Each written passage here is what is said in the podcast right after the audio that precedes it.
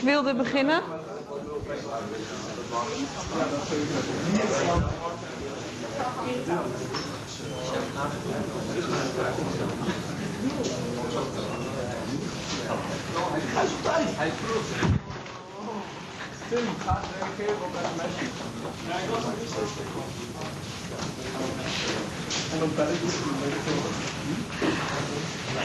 Oké, goed. Wou ik nu echt beginnen? Iedereen die nu binnenkomt is te laat. Eh, goed, vandaag gaan we het over interfaces en overerving hebben. Voordat ik eh, wil beginnen met de stof wil ik vragen of er nog vragen zijn naar aanleiding van college of werkcollege. vragen en wel. Ja? Uh, we hebben dus nog voor, uh, voor pandje anderhalf uur, twee uur uh, voorbereid. En tijdens het pandje hebben we vragen doorgewerkt. En dan komt die jongen naar ons toe uit eigen pandje, waren we net niet meteen klaar. Maar jongens, jullie moeten volgende keer wel beter doorwerken. Dus waren we gewoon ons best doen en gewoon uh, soms gewoon niet eruit komen. En ik denk van ja, je kunt ook een beetje geduld hebben met ons, want iedereen is zo uh, goed als jou. Dus ik, uh, ja, misschien kunnen we dan daar kan worden, maar ik bedoel, en doe net als bij de tijd steken, dat is natuurlijk onzin. Ja. Moet ik dit herhalen voor de opname? Ja? In het Frans, is goed, zeg je. Ik heb hier zeven jaar in Frankrijk gewoond, dus dat is niet zo moeilijk.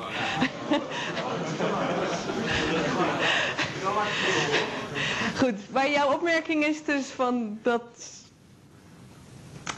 Nou probeer ik het even samen te vatten, maar dus dat je het gevoel hebt van je werkt hard en dat dat uh, niet gezien wordt. Ja. Ja, nou ik zal die opmerking, kom mij straks even vertellen welke practicumgroep je zit en zo, maar ik zal het in elk geval meenemen. En iedereen die deze week heeft zitten zweten, de derde week is de zwaarste week. Dus uh, als het goed is, zou het de volgende weken allemaal minder zwaar moeten zijn? Zou het makkelijker moeten gaan dan deze week? En we zijn ons ervan bewust dat deze week gewoon de moeilijkste week is van dit vak. Ik weet niet, zijn er verder vragen, opmerkingen? Over, uh, over de stof van het vorige practicum hebben, toch? Want anders heb ik een vraag. Of ik het nu over... Ik ga het volgens mij niet over de stof van het vorige practicum Waar hebben. gaat u het nu over hebben? Over overerving en interfaces. Interfaces zoals in ook die scanner dingen. Eh ja, Scanner, dat is vast dat weet ik niet uit mijn hoofd. Heb je, Oké, je hebt een vraag dus. Uh, ik uh, was bezig met het practicum en we waren uh, met die scanner. Maar als je een while loop maakt met een hash next, dan stopt hij niet fatsoenlijk. Dan, komt, dan lijkt het of het programma nooit uit die while loop komt. Je moet hem ook niet op uh, snacks. Want dan blijft hij gewoon doorvragen. Maar ja, moet dan? En snacks is altijd goed. Uh, je moet uh, een uh, variabele einde doen, een false true kan zijn. En die moet je in een while loop zetten. Dus als het einde nog niet er is, zeg maar, dan gaat hij het doen. En dan mag jij kiezen wat het einde betekent. Dat zet je in die while loop. Als dat gebeurt, dan is het einde dus true geworden en dan doet die while loop niet. Oké. Oké. Dat, dus jouw vraag was over while loops wanneer met een, over een scanner, dat die niet termineren met een hash next. Ja? En jouw antwoord is dus dat je een variabele moet hebben. Uh, je moet zelf een variabele definiëren die je zelf op true zet als je klaar bent. En daar moet je dus op testen. Ja. Zijn er nog andere vragen? Gaat goed, zo doe je mijn college. uh, Nee, dan heb ik alleen nog een opmerking. Oh, dus wat, als jullie het goed is, hebben jullie dat gezien dat er deze week op woensdag geen werkcolleges zijn, omdat er het symposium is, waar jullie natuurlijk allemaal leuk naartoe gaan. Maar de werkcolleges zijn op dinsdag, als ik me niet vergis, zijn ze ingeroosterd. Ja. Bij BIT, dat is een goede vraag. Oké, dus de vraag is of dat ook bij BIT zo is. En ik denk het eigenlijk niet, want vol, volgens mij krijgt BIT geen college vrij vanwege het symposium. Dus, uh, en het extra werkcollege voor diegenen die daar nog naartoe gaan, dat is niet, vol, niet deze week, maar dan volgende week is er nog een laatste extra werkcollege. Nog meer vragen nu? Dan ga ik verder. Eh, dus vorige week hebben jullie gezien van een compleet systeem hoe je dat maakt. Van hoe ontwerp je met verschillende klassen. Dan schrijf je van wie is verantwoordelijk voor wat, wie doet wat.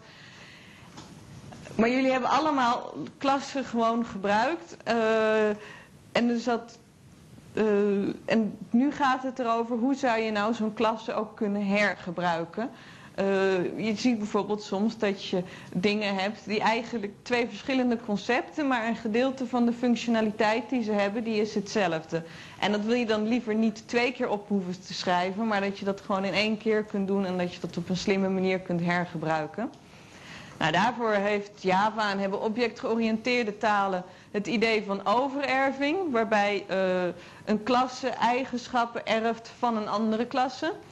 En op die manier vorm je een klassenhiërarchie waarbij je dus een, een, een soort uh, hiërarchische relatie aangeeft tussen de verschillende klassen die je in je systeem hebt. Nou, dat is waar het deze week over gaat. Hier is echt het uh, lijstje van onderwerpen die hier zo aan de orde zullen komen. Nou, al die eerste onderwerpen, dat is allemaal, als het goed is, één doorlopend verhaal over hoe je overerving doet enzovoort. Op het eind van het college ga ik nog iets zeggen over Eclipse, omdat jullie vanaf deze week mogen jullie van ons uh, Eclipse gebruiken tijdens het practicum. Wordt ook aangeraden.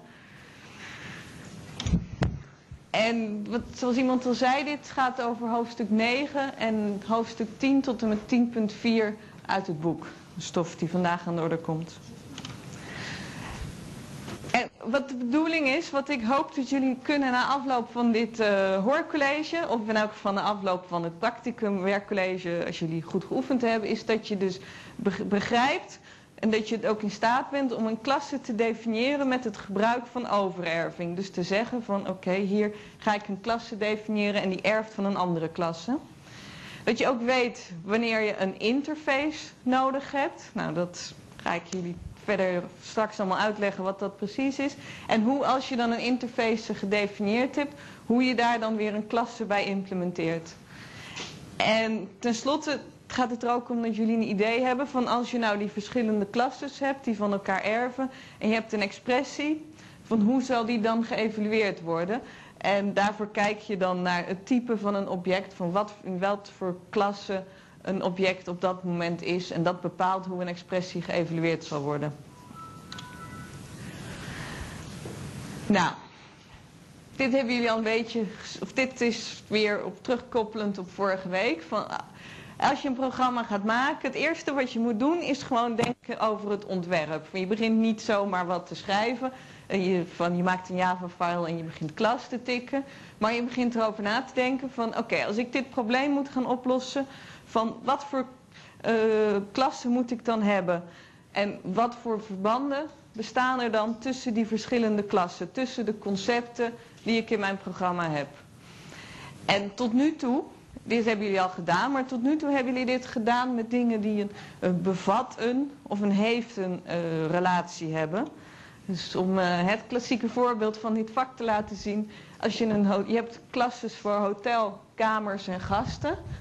En dan kan je zeggen van ja, een hotel heeft een kamer en in elke kamer zit een gast of er zit geen gast in. En dat is dus zo'n typisch voorbeeld waarbij je een, een, een klasse beschrijft als een onderdeel van een andere klasse. Maar je kunt natuurlijk nog meer verbanden bedenken. Ik weet niet of jullie al een idee hebben van wat je nog meer voor verbanden tussen klassen zou kunnen hebben. Ja? Ik heb eigenlijk nog even vraag. Ik snap steeds niet helemaal precies het verschil tussen een aggregatie en volgens mij moet je dan gewoon denken dat ze hetzelfde zijn. het. Uh, dan moet ik even goed nadenken. Ik zou denken dat het. Uh, het verschil heeft te maken met. Hier, die, dat hotel, die kan meerdere kamers hebben. Meer dan één. En een hotel met nul kamers is niet zo'n bruikbaar hotel. Maar in elke kamer heb je in principe maar één gast. Of misschien dan twee, maar... Welke is dan de aggregatie en welke klas is dat? Um, Oké, de vraag is welke de aggregatie is en welke de associatie. En om het zeker te weten moet je het in het boek nakijken. Want ik heb het niet zo in mijn hoofd zitten. Maar gevoelsmatig zou ik zeggen dat, een hotel, dat eh, deze, waarbij je er meerdere kunt hebben, een aggregatie zou ik zeggen. Maar het is ruim om te zeggen een kamer. Ja, bevat. Ja, oké. Dat kan. Jasper, je hebt het ook niet nodig. Oké, dankjewel.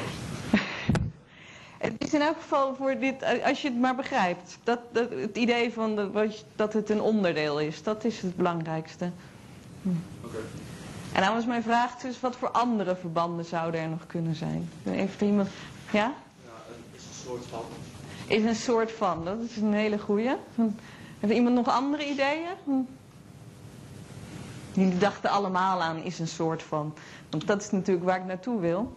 Eh, gewoon heel in het algemeen, soms wil je zeggen van ja, een B-object, dat is eigenlijk ook een A-object. Nou, dat klinkt een beetje vaag, maar een auto is ook een vervoermiddel. Vervoer, vervoersmiddel, hè? Eh, dus een vervoersmiddel heeft bepaalde eigenschappen die een auto heeft, maar andere vervoersmiddelen zoals fietsen, eh, treinen, die hebben ook gedeelde eigenschappen. Bijvoorbeeld dat je van, van het ene punt naar het andere punt ermee komt, eh, kunt. Maar een auto heeft dan ook weer een aantal specifieke dingen, bijvoorbeeld dat het een motor heeft en de meeste fietsen hebben geen motor. Dus het is niet, een auto is niet een vervoersmiddel, maar het is ook weer wel een vervoersmiddel. Je kunt het wel zien als een vervoersmiddel.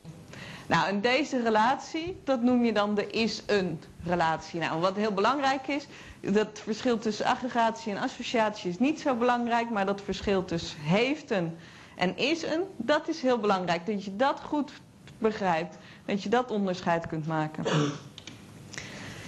En dit is, dit idee van die is een relatie, dat is een beetje de hele kern van het objectgeoriënteerd eh, programmeren.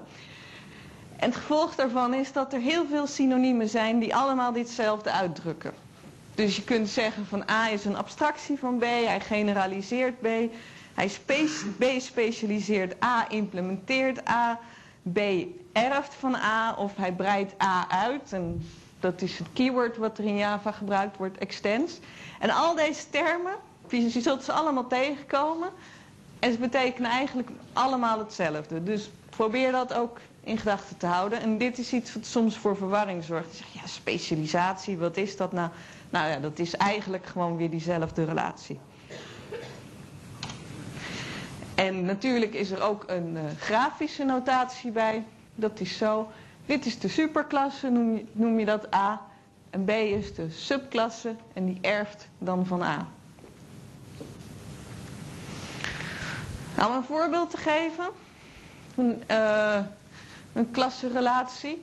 Dit hebben we, zulke soort voorbeeldjes hebben we al gezien. Van een deelnemer die draagt een voorwerp. En die, dat voorwerp dat is in een kamer. Nou, dit is dus allemaal zo'n eh, zo'n heeft-relatie.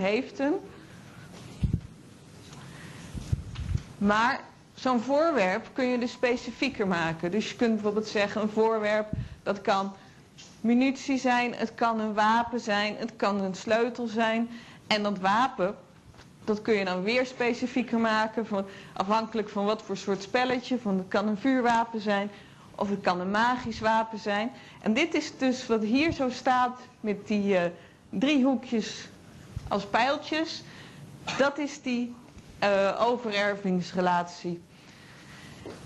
En dan tussen die klassen die je definieert door van elkaar te erven, kun je ook weer andere verbanden. Dus dit is de klassenhiërarchie en dan kun je ook weer andere verbanden hebben. Dus bijvoorbeeld deze sleutel, dan kan je weer een relatie hebben met die deur, met een deur. En dat is weer zo'n heeft een relatie. En ook binnen de klassenhiërarchie kan dat. Dus bijvoorbeeld eh, munitie kan geschikt zijn voor een vuurwapen. Dus er zijn allerlei dwarsverbanden mogelijk. En dus als je je systeem ontwerpt, dan gaat het erom dat je dat hele plaatje eigenlijk compleet krijgt. Van wat zijn al mijn klassen die ik wil hebben en wat zijn de verschillende relaties tussen die klasses.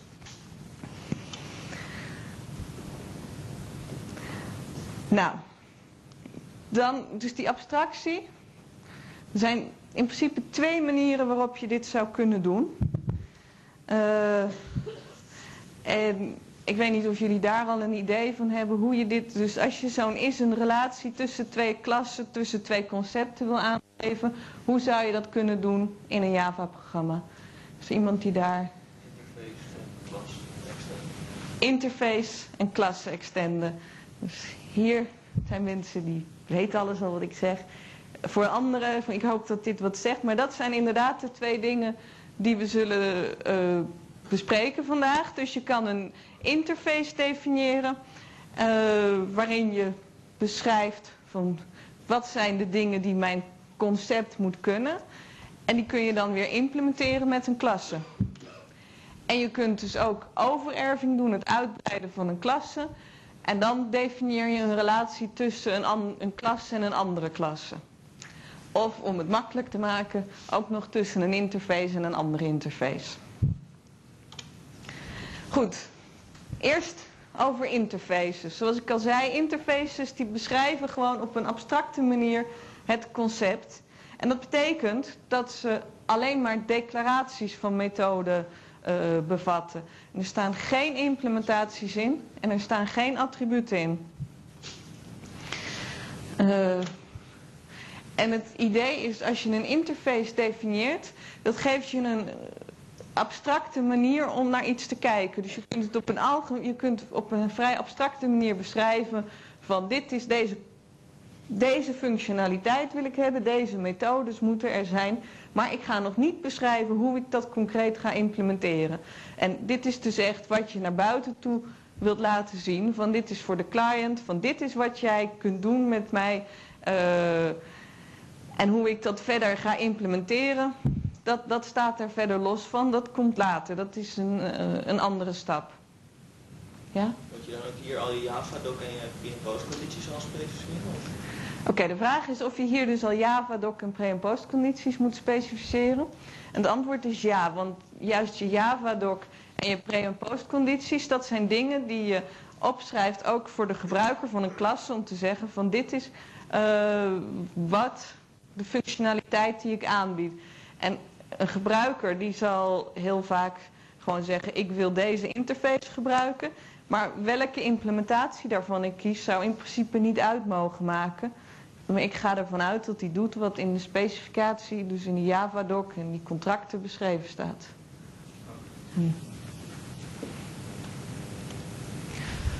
En wat er dus speciaal is met interfaces, ze hebben geen implementatie. Dus ze kunnen niet geïnstanceerd worden. En kunnen dus geen objecten zijn met een interface type.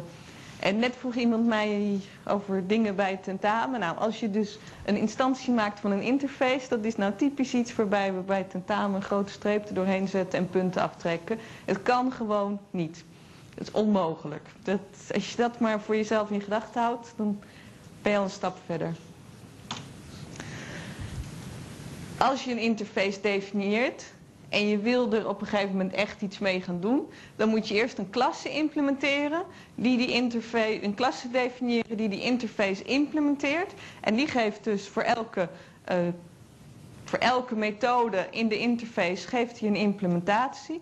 En dan kun je dus in je programma kun je wel objecten aanmaken van het type van zo'n klasse, wat een interface implementeert. Dus bijvoorbeeld hier, hier heb je een interface, eh, A-interface. En daarin staat gespecificeerd eigenlijk van dat er eh, elke klasse die die interface implementeert, die moet een methode op één bevatten. En normaal gesproken zou je er dan ook nog een beetje documentatie bij zetten over wat die op één zou moeten doen. Maakt het iets makkelijker om het te implementeren. Nou, en dan heb je hier een klasse B. En die implementeert die interface. En dat betekent dat hij in elk geval dus die methode op één moet implementeren. Dus hij neemt hier precies die declaratie over. Maar er komt ook een body te staan. Terwijl er hier na de declaratie staat er een punt komma en er is geen implementatie van de methode. Dus dan zeg je ook weer dat die B-klasse dat die op één implementeert. Goed, even kijken of dit eh, duidelijk is. Als je nou een interface voorwerp hebt en daarin heb je twee methodes eh, gedeclareerd. Get plaats en is draagbaar.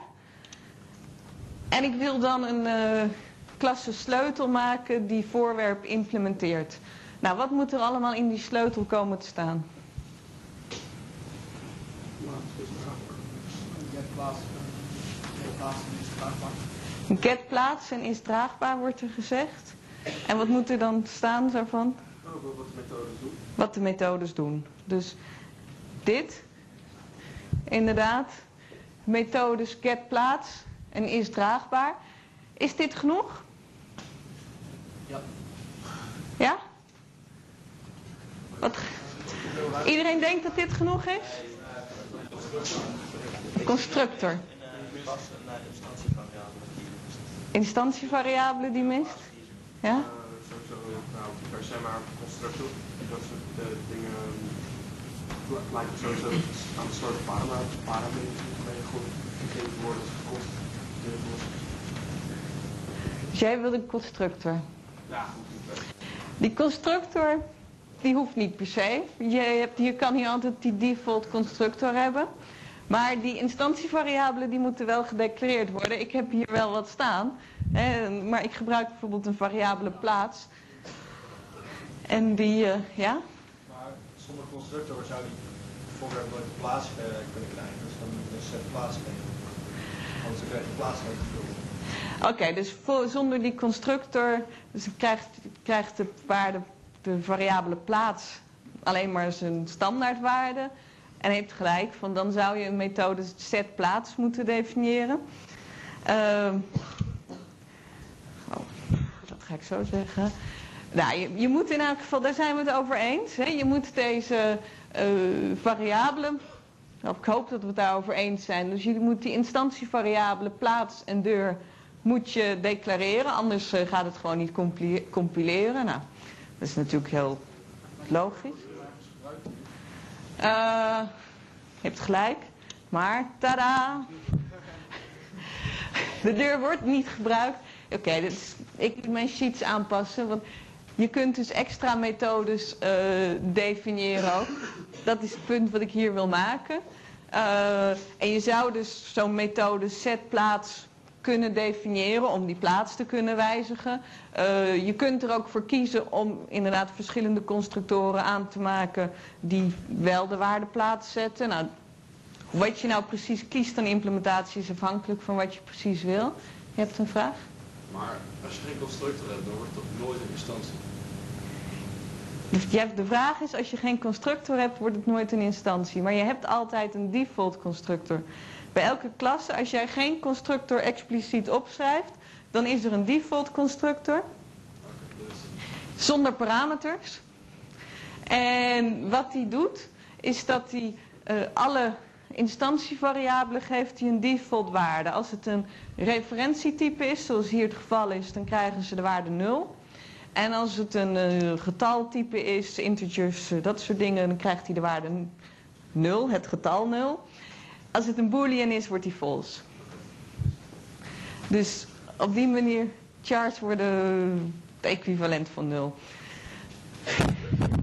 Eh, dus volgens mij worden dat ook 0 uiteindelijk. Eh, dus op die manier heb je dat. Dus je hebt altijd voor zo'n klasse heb je altijd een constructor in principe. Dus je kunt altijd objecten aanmaken. Maar het is waar dat als je alleen maar die default constructor hebt en je hebt geen methode set plaats, dan kan je niet zo heel veel met je klasse doen. Eh, nou ja, in dit voorbeeld staat er dus een methode past op nog eh, toegevoegd en daarvoor is dan die instantievariabele deur. Nou, en wat is nog eventjes, eh, ik nog even expliciet wil benadrukken, die get plaats en is draagbaar, die uit de interface komen, die hebben precies dezelfde eh, signatuur. Dus dat is de term die we gebruiken voor de methodenaam, de parameters en het resultaattype, parametertypes. Eh, en ze hebben precies dezelfde zichtbaarheid. Dus ze zijn alle twee public. En dat is belangrijk. Als je dat niet doet, als je dat een andere signatuur gaat doen, dan zegt Java nee, je hebt de methode niet geïmplementeerd. Dus deze klasse implementeert die interface niet. Nou ja, dan weigert de compiler. Goed, dat was een eigen methode, dat hebben we gezien. Nou, er is in Java zijn er standaard interfaces eh, die je veel tegen zult komen. En comparable is er eentje van. Als je iets wilt definiëren waarop je een, eh, als je op, er- op een, een bepaald soort element een vergelijking wilt definiëren, dan zeg je van dit, eh, op een bepaalde klasse wil je eh, de notie van vergelijken definiëren. Dan zeg je dat die klasse die implements de interface comparable. En in die comparable interface, daarin wordt alleen de methode compare to wordt daar gedeclareerd. En die worden dan voor een hoop verschillende klassen worden die, eh, geïmplementeerd. Kun je ook zelf dus implementeren als je een klasse definieert. Er zijn een aantal standaard implementaties van. Dus bijvoorbeeld voor strings, de compare to operatie, die is daar geïmplementeerd als het vergelijken van eh, alfabetische volgorde. Eh, en wat je dus ziet, dat hier deze is kleiner dan gene. En zoals in de Javadoc daar beschreven staat, eh, dan geeft dat een negatieve waarde terug. Wat precies die negatieve waarde is, dat staat weer niet gedefinieerd. Dat kun je gewoon zelf in je implementatie besluiten. Maar die Javadoc geeft aan dat het altijd een, als het kleiner dan is, dan is het resultaat van de methode is een negatief getal. En je hebt bijvoorbeeld andere library klassen, ja? Ja, ja, misschien is het echt het antwoord al. Maar waarom zou je dat via een interface doen en niet gewoon de methode direct in de klasse string implementeren? De vraag is waarom zou je dat via een interface doen en niet direct in de methode string? Eh, op het moment dat jij in jouw klasse, dat jij dus zegt dat jouw klasse comparable implementeert, dan geef je daarmee als het ware aan van oké, ik ga, eh, ik bied de mogelijkheid om een vergelijking te hebben. En omdat je die interface implementeert, weet de gebruiker ook precies hoe je het doet. Dus dat je die compare to methode gebruikt met die Javadoc specificatie. Dus het geeft een stukje, ja, het maakt de dingen duidelijker naar gebruikers toe. Je kunt gewoon zelf je eigen methode definiëren en er zelf een naam voor kiezen. En dat werkt ook. Maar door te zeggen van ik implementeer comparable, creëer je meer abstractie in je programma. Ja? Kun je ook meerdere eh, interfaces eh, implementeren? Oké, de vraag is of je meerdere interfaces kunt implementeren en ja, dat kan.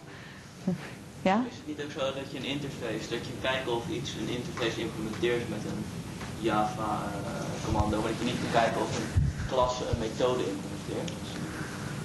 Dus dat je bijvoorbeeld kan zeggen dat je zegt van oké, mijn klasse die implementeert comparable en dat kan ik kijken in een script, dus dan kan ik pas compare to bepalen. Oké, de vraag is dus of jij kunt kijken of een klasse comparable implementeert. Net als je instance of zeg maar. Ja, dus het equivalent van een instance of, maar volgens mij heb je geen- dat niet. Je hebt geen implements operatie in Java. Eh, dat Maar dat is niet mijn- Waarom je een interface zou kunnen gebruiken in plaats van die, die met compare to voegen. Als dat zo is. ja. Ja, nee, maar dan moet je nog weten, dan, dus de, hey, Als je weet dat die comparable implementeert, dan weet je dat hij de functie compare to heeft. Jij zegt, ja, oké, maar dan... Ja, ik moet ook de vragen raden. dus als je weet dat die eh, comparable implementeert, dan zeg jij, dan weet je dat hij ook de methode compare to heeft. Maar dat weet je dan alleen maar doordat je die code van, van interface comparable, dus dat, dat is een soort aanname, die, of ja, conventie die je dan hebt. En, ja, ik ben niet zo goed. Want je hebt een hele, je hebt een hele library van, om echt reflectie te doen. En je kunt de klassen opvragen. En ik denk eigenlijk dat je ook de methodes van een klasse kunt opvragen. Dat daar library methodes voor zijn. Sowieso. Dus ik denk dat dat niet een argument is. Hm. Maar ik ben er zelf niet zo sterk in. Eh, Zijn hier andere vragen over nu? Van die, dus die comparable, en dat is het handige eraan. Je, je kan dus ook zien dat bijvoorbeeld voor booleans is die geïmplementeerd. En dus false is kleiner dan true daar. Eh, data is die voor geïmplementeerd. Dus het voordeel is in elk geval dat als je zo'n soort object, als je een klasse gebruikt die ergens standaard gedefinieerd is en je wil dingen vergelijken, dan kun je altijd de compare to eh, operatie gebruiken en dan weet je dus dat dat werkt. Goed. Eh, hier is nog een voorbeeldje. Dit is typisch de dingen die jullie bij het eh, practicum doen. En daar heb je een interface eh, testcase. Waarin staat er moet een methode run test zijn. Nou, wat nu een voordeel is, is dat elke testklasse die moet dit dan implementeren. Dus bijvoorbeeld wachtwoordtest, die moet testcase implementeren. Sorry. En dat betekent dus dat die methode run test, dat die moet implementeren. Nou, wat nou belangrijk is, is dat je dan een klasse test kunt maken. En in die klasse test, eh, dat is gewoon de methode, de, de, de, sorry, de klasse waarin je main methode staat. Eh, nou ja, niet, niet noodzakelijk, maar in elk geval waar je test wordt uitgevoerd. En dan kun je gewoon die testcase, die kun je meegeven als een parameter, maar dan kun je het interface type gebruiken. En je hoeft dus niet deze run in test, die kun je dus definiëren in het algemeen, voor alle soorten testen. En niet specifiek voor een wachtwoordtest, maar je zegt gewoon, dit is iets wat van het type, van het interface type test is, testcase is. En alles wat die interface implementeert, daarvan weet ik dat ze run test kunnen uitvoeren. Dus je kunt dan die run methode hier, die kun je aanroepen met een nieuw wachtwoordtest. En dan ga ik even wat terminologie nog introduceren. Dit, dit is een belangrijke onderscheid. Dus hier, deze, die parameter, die heeft het type testcase, heeft, is die mee gedeclareerd. En dat type wat er gedeclareerd staat, dat noemen we het statische type. En dat kan dus een interface zijn. Maar dat is het type wat je gewoon uit de pro- programmatekst kunt afhalen, afleiden. Dat is het statische type. En dan hier, tijdens de executie, dan wordt er dus een wachtwoordtest aangemaakt. Dat is dus een object van eh, in de klasse wachtwoordtest. En het dynamische type, dat is dan die wachtwoordtest. En het dynamische type, dat is dus het type van een object tijdens de executie. En dat is dus een klasse die die interface implementeert. En tijdens een executie kan het dynamische type van een klasse, eh, van, sorry, het dynamische type van een object kan dus een, een subklasse zijn van, eh, van het statische type. Of als het statische type een interface is, dan is het dynamische type, dat is een object dat die interface implementeert.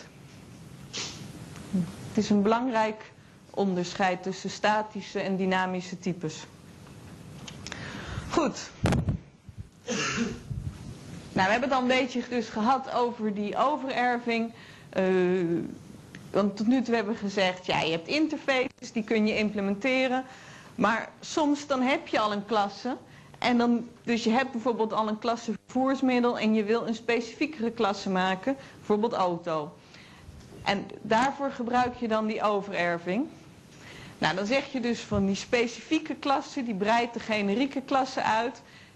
En wat het betekent is dat die over het algemeen, dat er, eh, wat dat betekent is dat je nieuwe attributen, nieuwe instantievariabelen kunt de- declareren, nieuwe methoden kunt declareren, maar ook dat je methode-implementaties kunt overschrijven. Dus dat je ze anders kunt implementeren, omdat, je dat, omdat dat beter is of efficiënter voor dit specifieke geval. Nou, hier is weer een heel abstract voorbeeldje. Je hebt hier een klasse A-klasse en die heeft twee methodes, op 1 en op 2. Die zijn alle twee geïmplementeerd. Het is een gewone klasse waar je instanties van kunt maken. En dan kun je een subklasse daarvan definiëren. Dat is dus bijvoorbeeld B-klasse. Nou, je zegt daar die erft van A-klasse. Dat staat dus in de klassendeclaratie. En wat je hier ziet is... eh, Oké, daar staat dat ook. Dus hij erft van A-klasse. En dat betekent dat deze methode op 1, die alleen maar in A-klasse gedefinieerd staat, dat die geërfd wordt door de B-klasse. Dus als een object van type B-klasse is, dan kun je de methode op 1 er gewoon op aanroepen. Want alle methodes uit de superklasse die worden geërfd. Maar als je nou methode op 2 erop aanroept, dan als het een object is van het type B-klasse, dan zal die zijn eigen implementatie gaan uitvoeren. Dus afhankelijk van het dynamische type van het object wordt bepaald eh, welke methode body er wordt uitgevoerd. En dan zeg je dus dat op 2 dat, die, op, eh, dat op 2 overschreven wordt. Overriding wordt dat ook wel genoemd, ja? Maar kun je ook hebben zeg maar, dat eh, op twee van de A-klas nog wel wordt uitgevoerd, maar dat je het bijvoorbeeld uitbreidt? De vraag is of je kunt hebben dat op 2 uit de A-klasse wordt, nog wordt uitgevoerd, maar dat je hem uitbreidt. Ja, dat kun je doen. Eh, wat je dan... Zo? Knippen plakken zes. Knippen en plakken. Ja, maar je hoeft niet te knippen en plakken. Je kunt dan, als je dat wil, dus je wil dat op 2 in de subklasse dat hij wat extra's doet, dan ga je hem hier definiëren, maar dan op een gegeven moment zet je erin een aanroep naar super op 2. En super dat is een vast keyword in Java en dat betekent oké, begin te zoeken in mijn superklasse naar een implementatie van op 2 en voer die uit. Dus op die manier kun je eh, dan zorgen dat deze implementatie nog wordt uitgevoerd. En dat, als je hier een heel ingewikkeld berekening maakt of een heel ingewikkeld algoritme en je wil alleen maar iets kleins toevoegen, dan is dat vaak heel nuttig ook. En dan tenslotte deze op 3 hier. Nou, dit is een nieuwe methode. En die kun je gewoon vrij toevoegen. Goed, hier eigenlijk weer hetzelfde voorbeeld. Stel nou dat dat voorwerp dat dat geen interface was, maar dat het een klasse was. Nou, dan had je daar die instantievariabele plaats al. eh, en je hebt daar methodes getPlaats en is draagbaar met een implementatie. En als ik nou die sleutel wil definiëren als een subklasse van voorwerp, wat moet ik dan doen?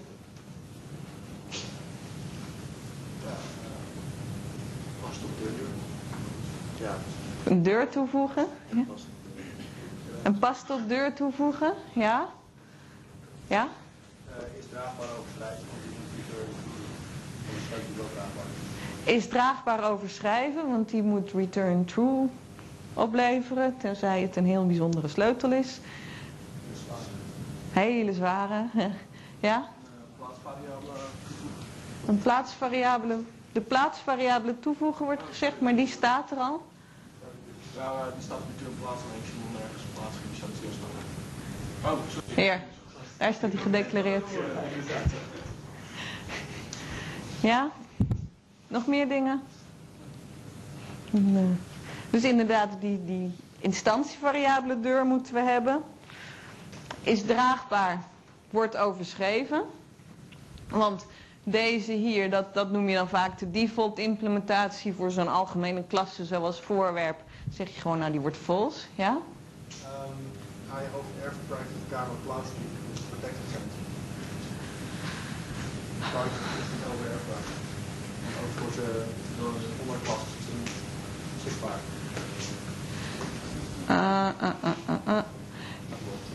Heb gisteren al gelezen. Oké. De vraag is of hij die plaats, dat hij die niet erft. Maar in dit geval is het niet erg omdat hij niks extra's doet met plaats. Als je... De methode public kamer get plaats kan niet opleveren, want hij heeft geen plaats. De sleutel heeft Maar je wel een kenplaats. Jawel. Get plaats wordt aangeroepen in voorwerp. En dat gaat goed. Als je get plaats niet zou overschrijven in sleutel en dan precies hetzelfde type, dan is het inderdaad niet. Dus als je get plaats van voorwerp alvast de sleutel aandoet, dan geeft hij plaats van voorwerp terug. Nee, nee, wel spelen. Ja, je nog meer met protectie zijn, ja, ik moet dit, ah, het is heel irritant. Ze moeten dit echt veranderen, dit systeem. Dus oké, als plaats, die is private. En dat betekent dat je hem inderdaad, daar waar je hem eh, erft, dus in sleutel, kun je niet dingen toevoegen die iets met plaats doen. Eh, maar je kunt wel de methode getPlaats aanroepen. Omdat hij ook al in voorwerp staat. Ja, en dus die, omdat die in voorwerp staat en die variabele plaats die hier in voorwerp staat, deze, dat wordt sta- door de compiler statisch gebonden aan die plaatsvariabele hier. Dus die is er wel. Alleen eh, als jij hier een setplaats zou willen toevoegen, dan gaat de compiler dat niet accepteren, tenzij dit protected is.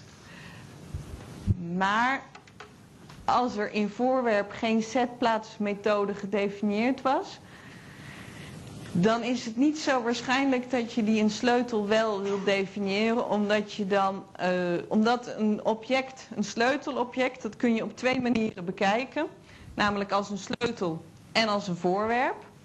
Eh, en als je het bekijkt als een voorwerp, dan ga je er eigenlijk vanuit dat die plaats dus niet veranderd kan worden als er geen setplaatsmethode is. En dat dat dan stiekem wel kan als het wel een sleutel is, dat gaat ervoor zorgen dat je programma geheid ergens fout gaat.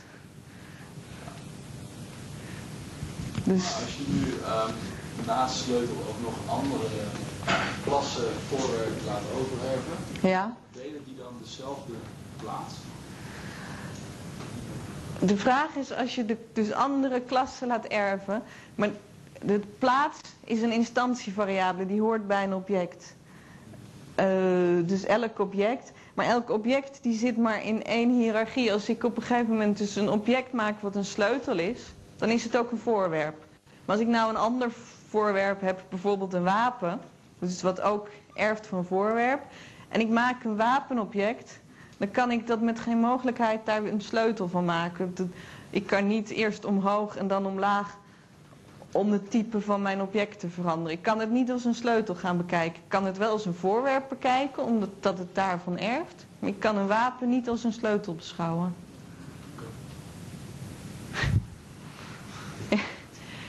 Maar als dan eh, die, die variabele kamerplaats dan in het voorwerp gedefinieerd is, bijvoorbeeld Ja. kamer C, daarna erf, erf sleutelen, Ja? wat, wat is dan eigenlijk die kamer C? Wordt die dan doorgegeven of is dat echt iets dat wordt alleen maar voor? Dus bijvoorbeeld, u gebruikt net het, het, het, eh, dat je twee verschillende klassen hebt, het wapen en de sleutel. En voorwerp is dan kamer C gedefinieerd als plaats. Heeft dan zowel de wapen als de sleutel dan kamer C als plaats? Of? Is dat zo? Ja, ja, ik zit. Jij zegt dus als je nou in een voorwerp, dat je daar een kamer C. Nou, kamerplaats, dus gewoon de variabele, geef je een waarde op kamer C. Als, het, als, in, als initiële waarde bedoel je? Ja. Ja, als je dat zou doen, dus, dan zou je. Dus, oké. In voorwerp zeg je van de initiële waarde is een. van plaats is kamer C. Maar is kamer C. bedoel je dan een concreet object? Of bedoel je dat je een object aanmaakt van een klasse kamer C? Maakt het is gewoon de plaatswaarde dat het voorwerp dan zou De kunnen. kamer heet C. Hij wilde concreet. Hij wilde een concreet object. Oké, als je het naar een concreet object laat wijzen,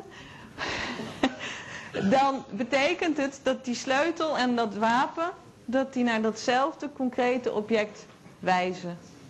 Ah, Oké, dus uit gewoon variabelen die erf je als het ware ook gewoon helemaal over met dezelfde waarden als zoals ze in dat.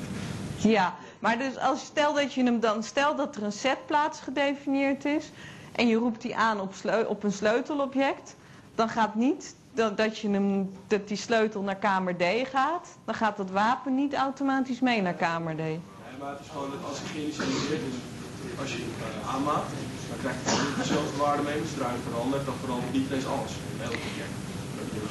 Elke sleutel heeft gewoon zijn eigen plaats. Ja, ja. Ja, maar normaal gesproken zal je hem ook niet hier definiëren dat je zegt plaats is initieel kamer C, maar je zal iets zeggen van plaats is een nieuw kamerobject met bepaalde waarden.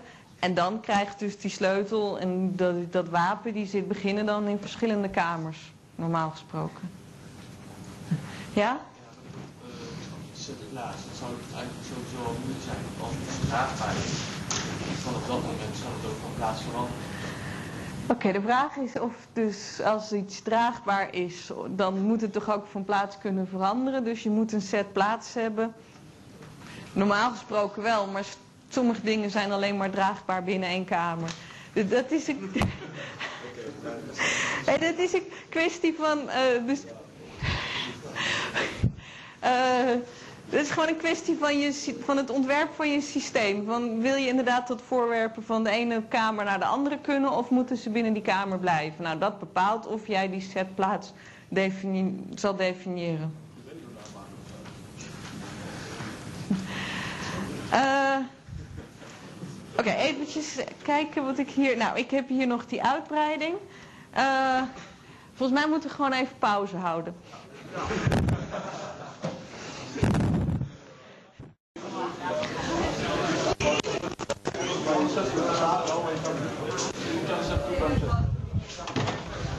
Oké, ik wilde graag verder gaan. En ik loop al hopeloos achter op mijn eigen schema. Maar ik ga gewoon hopen dat het goed komt. En dat alles al aan de orde is geweest door de vragen die jullie hebben gesteld. Eh, goed, sub- en superklasses. Dus die begrippen hebben jullie gehoord. Je hebt die subklassen en die erven van de superklassen. En binnen een superklas, je houdt binnen een subklasse hou je bij wat de superklasse is. Daarvoor heb je dat keyword super. En daarmee kun je dus altijd naar de implementaties van de superklasse gaan. Nou, wat nog belangrijk is, van als je erft, je erft alle eigenschappen en alle methoden, maar je erft niet de constructoren. En dat, eh, geeft, dat is een beetje een subtiel probleem. Volgende week eh, komt dat nog wat uitgebreider aan de orde, maar dit is wel belangrijk om te weten. Nou, hier is een voorbeeldje. Dus stel dat je een eh klasse punt hebt en die gebruikt een eh klasse plaats. En dit is echt het favoriete voorbeeld van informatici. Dan maak je daarna een kleurpunt ervan. Dus je voegt er een kleur aan toe. Eh, en daarvoor gebruik je zo'n klasse kleur. Nou, je kan dat een beetje zien. Dus dit is die instantie, een instantie van kleurpunt. Die heeft binnenin zich dus eigenlijk een puntobject. Zo kan je dat je voorstellen.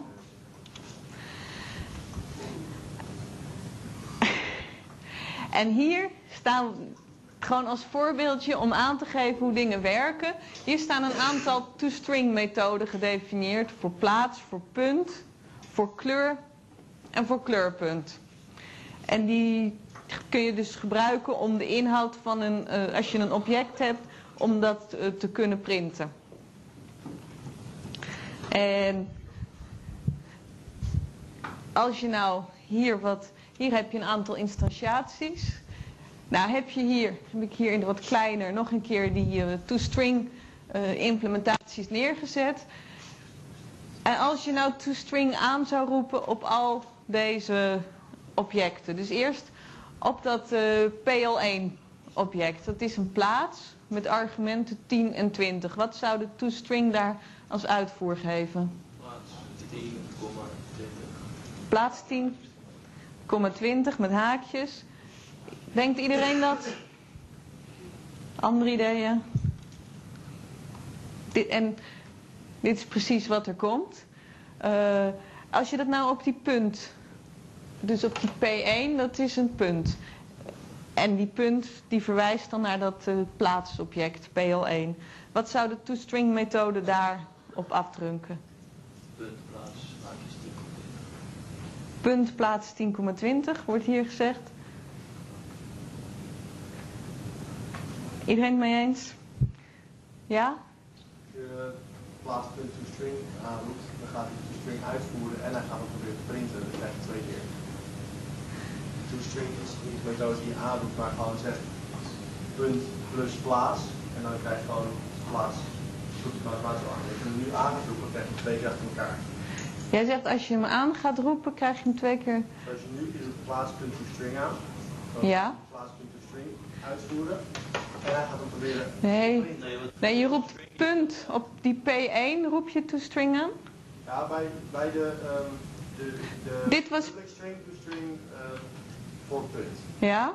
Doe je return punt, dubbele punt, spatie, plus plaats punt to string. Ja? Dus gaat hij de probeerde plaats punt to string aan. Ja? Dat is een methode, die voert hij uit. Ja? Maar vervolgens, wat je in een string hebt staan, probeer je gewoon een keer nee, maar toString levert een string op. Dus alleen als je plaats geen string is en je roept hem aan, gaat hij automatisch toString aanroepen. Dus als je zelf zegt toString, geeft hij een string terug en pakt hem automatisch aan. Zonder verder nog iets Maar erbij te je doen. ook te printen, dat is... Ja, maar je, print, je kan hem printen omdat toString een string terugvoert. De methode toString geeft een string terug. Jij bedoelt, zo, oké, ik geloof dat ik jou, jij zegt, hier roep je die plaat, hier heb je een object plaat staan in een string en dan zal die automatisch daar de toString methode op aanroepen. Dus dat, ja, maar dat is, het is, dat is niet de expressie die hier staat. Deze, wat hier staat, dat is het resultaat van plaats.toString. En dat is inderdaad een string, namelijk die er zo uitziet. Plaats 10,20. Dus die wordt toegevoegd aan die andere string. En dat object plaats wat er staat, dat is alleen maar een onderdeel van die expressie. Wat ge eerst geëvalueerd wordt en daarna wordt er een string van gemaakt. En omdat het dan een string is, is dat vrij eenvoudig. Nou, als je nou op die kleur eh, de toString aanroept, jij mag niks meer zeggen. nu. Heeft iemand anders een idee wat er dan zou gebeuren? ja? Eigenlijk over 10,10 10,10,10 met de kleur. Iemand anders een ander idee?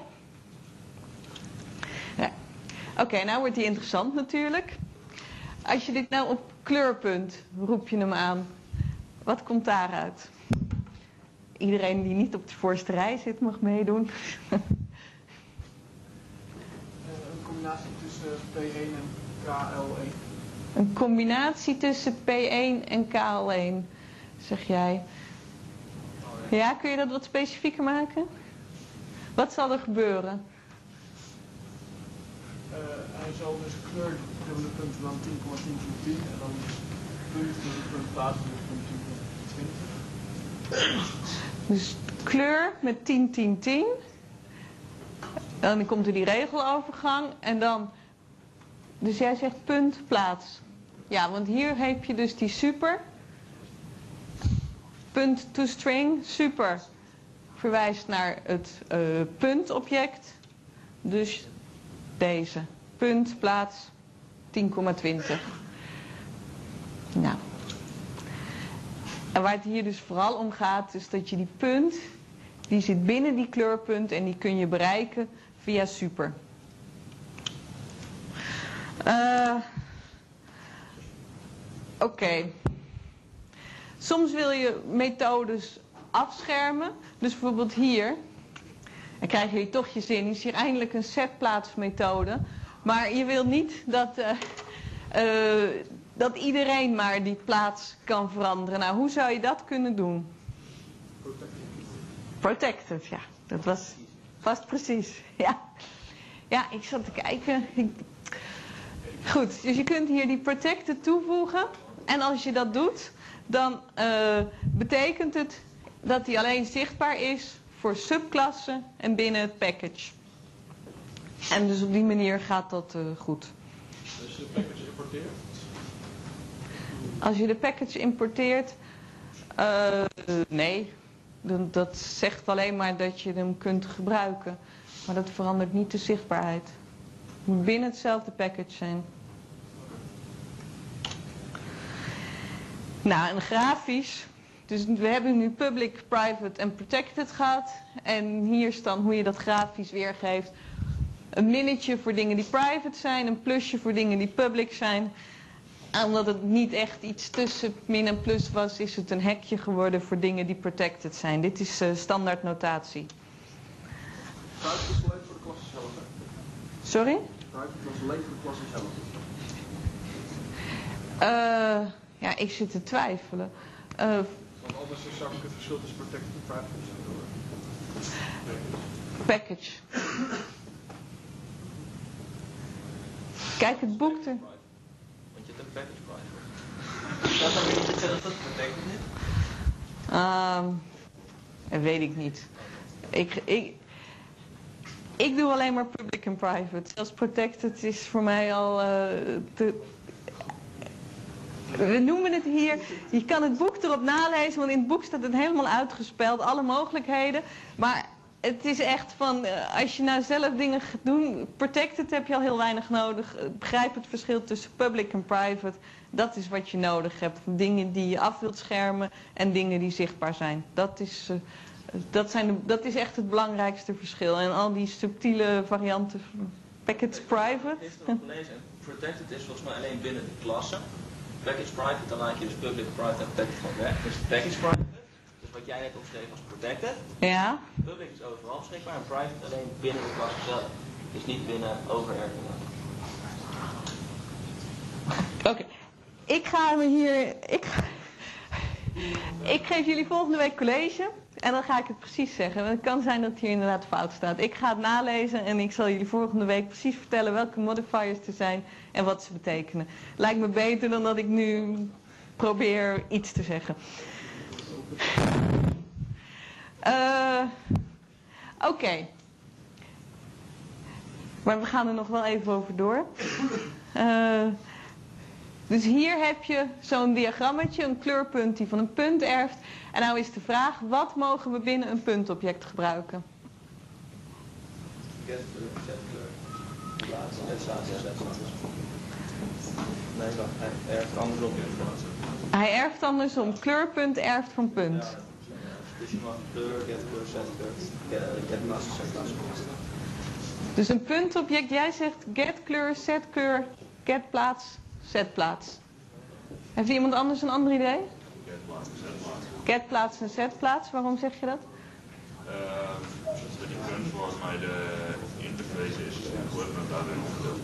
Ja, dus punt is een daar de interface.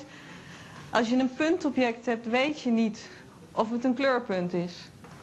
Het kan ook een gewone punt zijn. En je mag dat plaatsattribuut, dat mag je natuurlijk gebruiken als je een puntobject hebt. En de getplaats en setplaats, de methodes van punt. Maar als je een puntobject hebt, dan weet je niet of het een kleurpunt is. Of misschien, ik weet niet wat voor andere soorten punten je zou kunnen hebben. Maar een andere, object, een andere klasse die erft van punt. Nou, en dan een kleurpuntobject, wat mag je dan gebruiken? Ja? Wat, wat bedoelde met de vraagstelling, wat mogen we binnen gebruiken? Bedoelt u dan, wat mogen we als zijnde een puntobject allemaal aanroepen? Of wat mogen we van een puntobject aanroepen? Nee, ik bedoel, eh, wat mogen we als zijnde een puntobject gebruiken? Dus in de implementatie van de punt, wat mag je gebruiken? Ja. En Dus wat mag je binnen het kleurpuntobject gebruiken?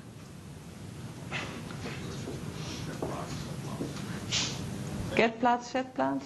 Sorry, uh, get plaats, set plaats, get kleur, set kleur en variabele kleur.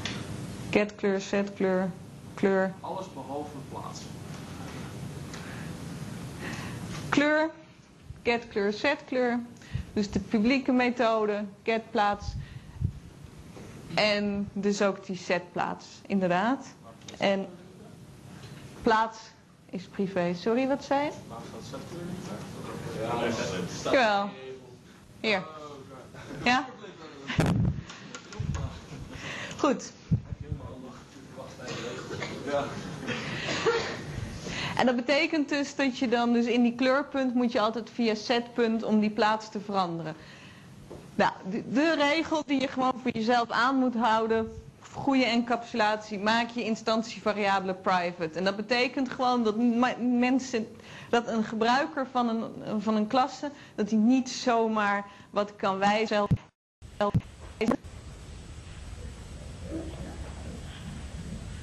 Blijft overzichtelijk. Ja.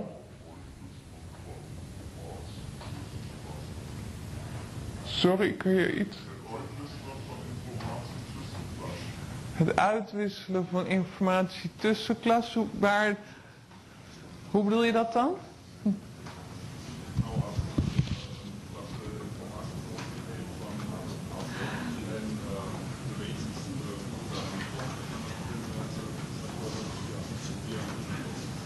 Ja. Oké, dus inderdaad, interfaces die geven een abstracte beschrijving van hoe je bij informatie kunt komen binnen een klasse, binnen een object. Zijn er andere redenen die jullie zo zien? Sorry? Herbruikbaarheid? er meerdere implementaties? Ja. Een hoop mogelijkheden, allemaal goede redenen. Eh, andere punten, je hebt geen default implementaties nodig. Dus wat we zagen bij dat voorwerp, dat je dan moest besluiten van dat die bij default was is draagbaar false.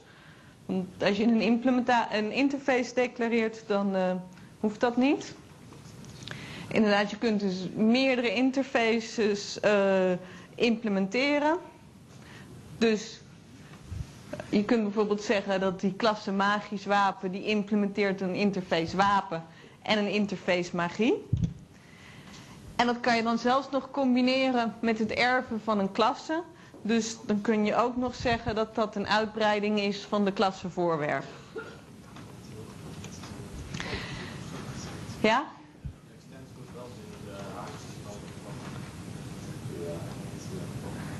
Eh, nee, die haakjes staan niet goed. Dat haakje moet hier. Ja. Goed gezien. Eh, Oké, wat is het voordeel van overerving? Je hebt al functionaliteit waar je mee kan beginnen. Minder typewerk, een heel belangrijk voordeel. Andere voordelen?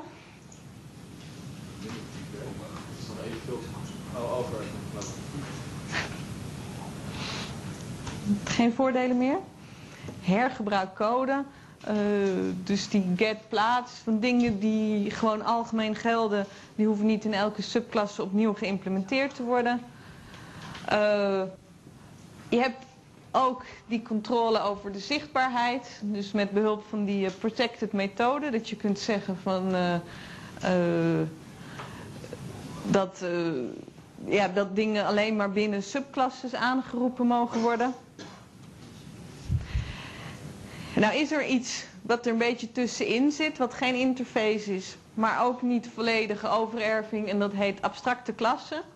En dat gaat eh, volgende week eh, ga ik dat eh, uitgebreider bespreken.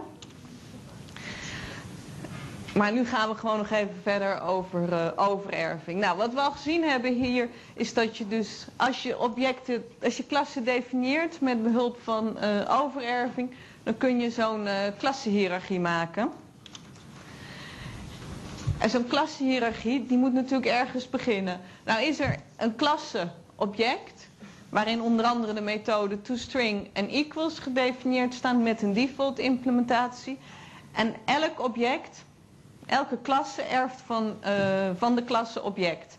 En als je dus geen extens bij een klasse expliciet opschrijft, als je niet expliciet opschrijft van welke klasse het erft, dan zal die altijd impliciet van object eh, erven. En dat betekent als ik hier nou een heel andere klassenhiërarchie heb met eh, deelnemer en zo, dan zal die dus ook weer van object erven. En dat betekent dus dat alle, klas, alle klassen die erven gewoon daardoor de methode toString en equals. Ja? Als je zelf eh, wel een erving aangeeft, Ja. en je wilt toch toString en equals blijven gebruiken, dan moet je die dus erbij definiëren. Nee, want dus stel dat jij hier. Oké, de vraag was als je zelf eh, een relatie, een, erf, een overerving aangeeft, moet je dan zelf toString en equals definiëren. Maar, dus jij zegt bijvoorbeeld eh, magisch wapen erft van wapen. Oh ja, maar die... Maar wapen erft weer van object. Die relatie die is dan transitief, dus je erft gewoon die methode wel. Uiteindelijk kom je altijd bovenaan bij object terecht. En daar kom je niet omheen. Eh, en ook voor interfaces bestaat zo'n uh, overervingsmechanisme. je kunt bij een interface ook aangeven. Je kunt dingen als interfaces definiëren, maar wel zeggen het erft van iets. Dus bijvoorbeeld een interface wapen, die erft van een interface voorwerp. En dan een interface magisch wapen, die dan weer van interface wapen uh, zou erven. Nou, dan zeg je dit is. Dus je hebt dan ook gewoon de termen van superinterface en subinterface. En wat je dan ziet is dat deze methode bijvoorbeeld, get plaats en ach, ik zeg het helemaal verkeerd. Uh, dus wapen is een interface en die erft van voorwerp. En magisch wapen is een implementatie van de interface wapen. Nou, als je die implementatie wil geven, dan moet je dus die get kracht moet je implementeren.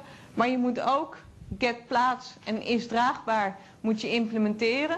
Want die worden dus geërfd uit die superinterface, uit get plaats, uh, uit de voorwerpinterface waar get plaats en is draagbaar gedeclareerd staan. Uh, wat zei je? De variabele kamer, dus rook is op de laatste gedeclareerd. Oh. Dan gaan we heel hard. De variabele kamer, zei je, is pas op het laatst gedefinieerd. Ja, toch? Uh, het is zo dat, uh...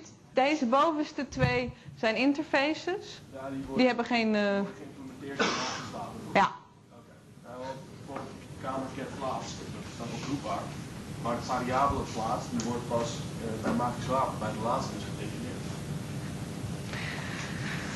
Ja. In dit geval, ja, ik bedoel, het komt natuurlijk omdat interfaces zijn dat er geen variabelen bij te staan. Maar in dit geval, stel je voor interface was wel een klasse geweest, dan had hij niet in plaats van de, van de voorwerp kunnen vragen, omdat het private is. Of wel? Jawel, hij kan hem wel opvragen. Uh, Oké, okay, als, die, als het een, als voorwerp een klasse zou zijn en daarin zou een private plaats staan, zeg je. Ja, en dan, nee, dan zou get plaats ook in voorwerp gedefinieerd moeten staan. Maar als, als je dan een get plaats in magisch wapen doet, dan kan die niet zomaar de plaats van voorwerp opvragen. Omdat die private is. Nee, dus, dus in principe variabelen zijn dus niet overerfbaar. Ja. ja, variabelen worden niet geërfd. Methoden worden geërfd, maar variabelen worden niet geërfd. Goed. Uh, nou, hier is eventjes weer dus, dat, dus de, hoe je dat dan in Java-code opschrijft. Dus je schrijft hier die interface wapen, die extens voorwerp, dat is die superinterface. Get plaats en is draagbaar worden geïmplementeerd. Get kracht komt uit de interface wapen. En hier is nog eventjes een klein Dit is een conditionele expressie. Uh, dit is een korte manier om dingen op te schrijven waar je anders een if en else zou moeten gebruiken. Hier zeg je gewoon als gebruikt waar is, dan lever ik, true, dan lever ik 0 op en anders lever ik, de, lever ik de kracht op. Dus dat is even notatie. Uh, nou, de vraag was er al, wat gebeurt er met contracten bij overerving? Uh, contracten worden geërfd. Uh, in een interface hoor je een, een, op een abstract niveau een contract op te schrijven. Uh, dus hier staat bijvoorbeeld uh, een klasse closed, een, sorry, een interface voor een figuur. En daar kan je dan de omtrek over opvragen. Nou, dat, hoe, je dat gaat, hoe je dat precies gaat specificeren hangt natuurlijk af van wat voor figuur je het over hebt. Maar het is wel, je kunt wel een algemene generieke specificatie geven die zegt van dat resultaat moet in elk geval groter dan nul zijn. En dan dus vaak, op het moment dat je die klasse implementeert en je specifieke keuzes maakt, dan zal je ook dat contract, kan je ook wat uh, specialiseren. En dat betekent dat je de precondities uh, afzwakt, dat je minder eisen stelt aan de client, eh, aan de gebruiker. Dus waar dat je, min, je kunt alleen maar in je pre als je erft kun je je precondities altijd alleen maar minder eisen stellen aan de gebruiker. Maar je postcondities, dat wat je belooft, dat kun je preciezer maken. Dus je kunt preciezer zijn in zeggen van nou ik zal dit en dat doen in deze methode op het concrete niveau.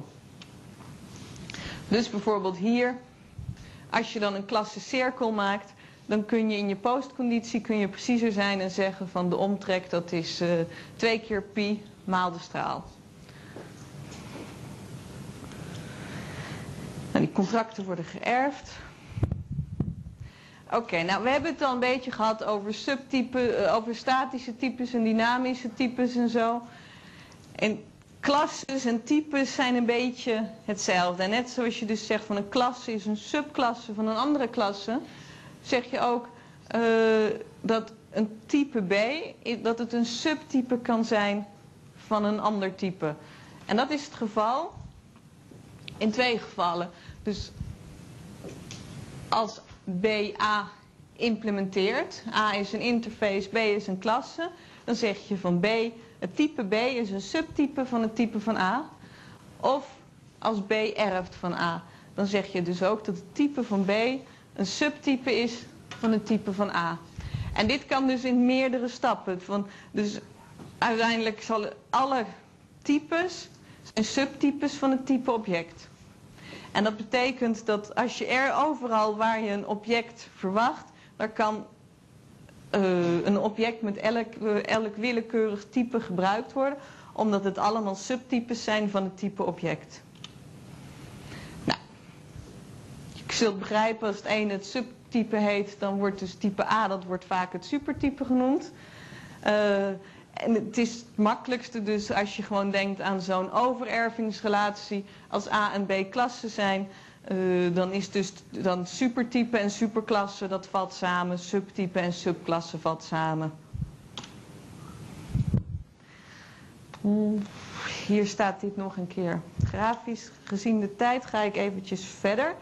Uh, wat belangrijk is, is dat een subtype kun je dus altijd gebruiken daar waar je een supertype verwacht. Dus bijvoorbeeld hier. We hebben weer een klasse sleutel. Die erft van voorwerp. En de methode pak op. Die wordt gedefinieerd met als argument iets van type voorwerp. En dan kan ik, dus een, kan ik een aanroep doen waarbij ik zeg van oké, ik maak een sleutelobject aan. Dus iets met dynamisch type sleutel. Maar dat is dus een subtype van voorwerp. En daarom is dit gewoon goed voor de compiler. De compiler zegt oké, deze methode pak op die een voorwerp verwacht. Dat is de methode die ik nu ga executeren. En dit is dus een geldige aanroep. Oeps. En er wel eerder vandaag bij het testcase voorbeeld, dat was hetzelfde uh, principe. Daar was ook dat je een subtype meegaf waar je een supertype gedeclareerd had. Nou kan je binnen een programma, ik heb al verteld, je hebt dynamische types en, en, en supertypes. En soms moet je gewoon binnen een, uh, je programma weten wat nou het dynamische type is van een expressie. En daarvoor heb je een operatie die heet instance of. En die levert true als het resultaat een subtype is van uh, het type wat je daar noemt. En je kunt ook het dynamische type van een object kun je veranderen. Uh, en dat doe je met een cast. Als je dit opschrijft, dan deze expressie hier, die zal een bepaald dynamisch type hebben. Maar dan zeg je hier, maar beschouw het als een expressie van dit type. En dat heeft dan bepaalde consequenties hoe je dingen evalueert. En dat kan alleen maar als, dit, als de expressie die hier staat, als dat ook een subtype is van het statische type wat je daar wil gebruiken. Uh, nou, hier is bijvoorbeeld een voorbeeld uh, hoe je dat zou willen gebruiken. Dus je hebt hier de methode gebruikt, hier een voorwerp gebruikt. En dan zeg je, nou als dat voorwerp, als dat een instantie is van een magisch wapen, dus als het ook echt een magisch wapen is, dan wil ik eh, dat het ook beschouwd wordt als een magisch wapen, dan wil, ik het dan wil ik het statische type veranderen. Dat ik er een magisch wapen van maak. En dan de methode gebruik aanroepen. En als het een ander type is, dan zal ik iets anders gaan doen. Nou. Nou is de vraag, ik heb hier een eh, serie eh, assignments staan. Wat mag van ja, van de compiler, wat mag niet. Die eerste, die bovenste sleutel, wordt een nieuw sleutelobject. Mag dat? Ja? Nee? Er zit hier iemand die is opstandig. Wapen wordt een nieuw magisch wapen. Mag dat? Ja? Iemand denkt dat het niet mag? Ja? Mag niet? Waarom mag het niet?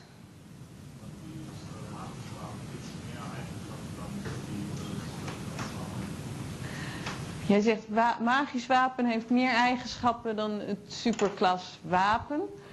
En diegenen die ja zeggen, waarom zeggen die ja?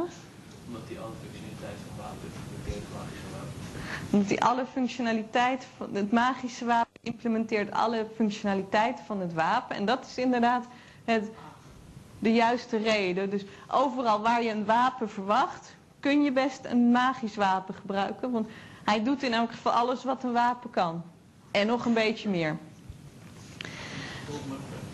Nou, die volgende. Dus die V1 wordt, een voorwerp V1 wordt W1. Mag dat? Ja? Iemand die nee zegt? Ik ben buiten wie wat implementeerde. Eh, voorwerp, sleutel en wapen erven van voorwerp en magisch wapen erft van wapen. Als wapen erft een voorwerp. Als wapen erft van voorwerp, dan mag het.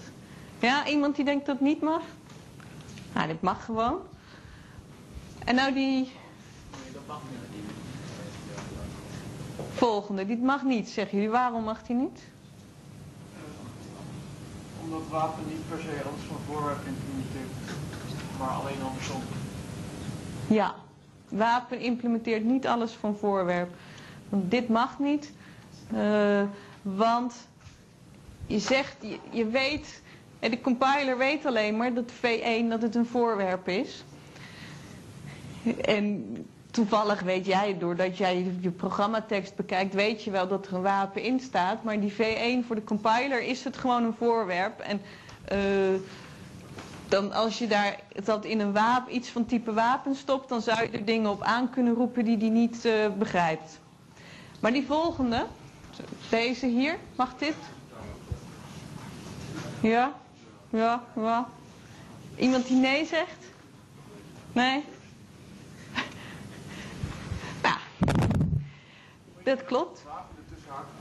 Dit wapen zet je er dus tussenbij. Als want als je hem hier doet, zei je al, van dan is het een voorwerp. En die implementeert niet alle wapenfunctionaliteit. Maar hier zeg ik van, wat ik hier eigenlijk doe, is ik test deze V1. Is dat een wapenobject?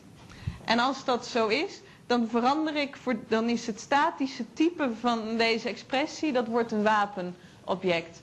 En dit, deze operatie hier, als ik dit tijdens mijn programma ga executeren met een, eh, bijvoorbeeld een sleutel, dan krijg ik een exceptie. Dan wordt er een foutmelding gegeven, dan gaat mijn programma verkeerd. Maar dus door deze typekast gaat het hier goed. Nou, deze hier, die nieuwe sleutel. Ja, mag, mag, ja. Die was even nodig. En deze hier. Wat zeg je?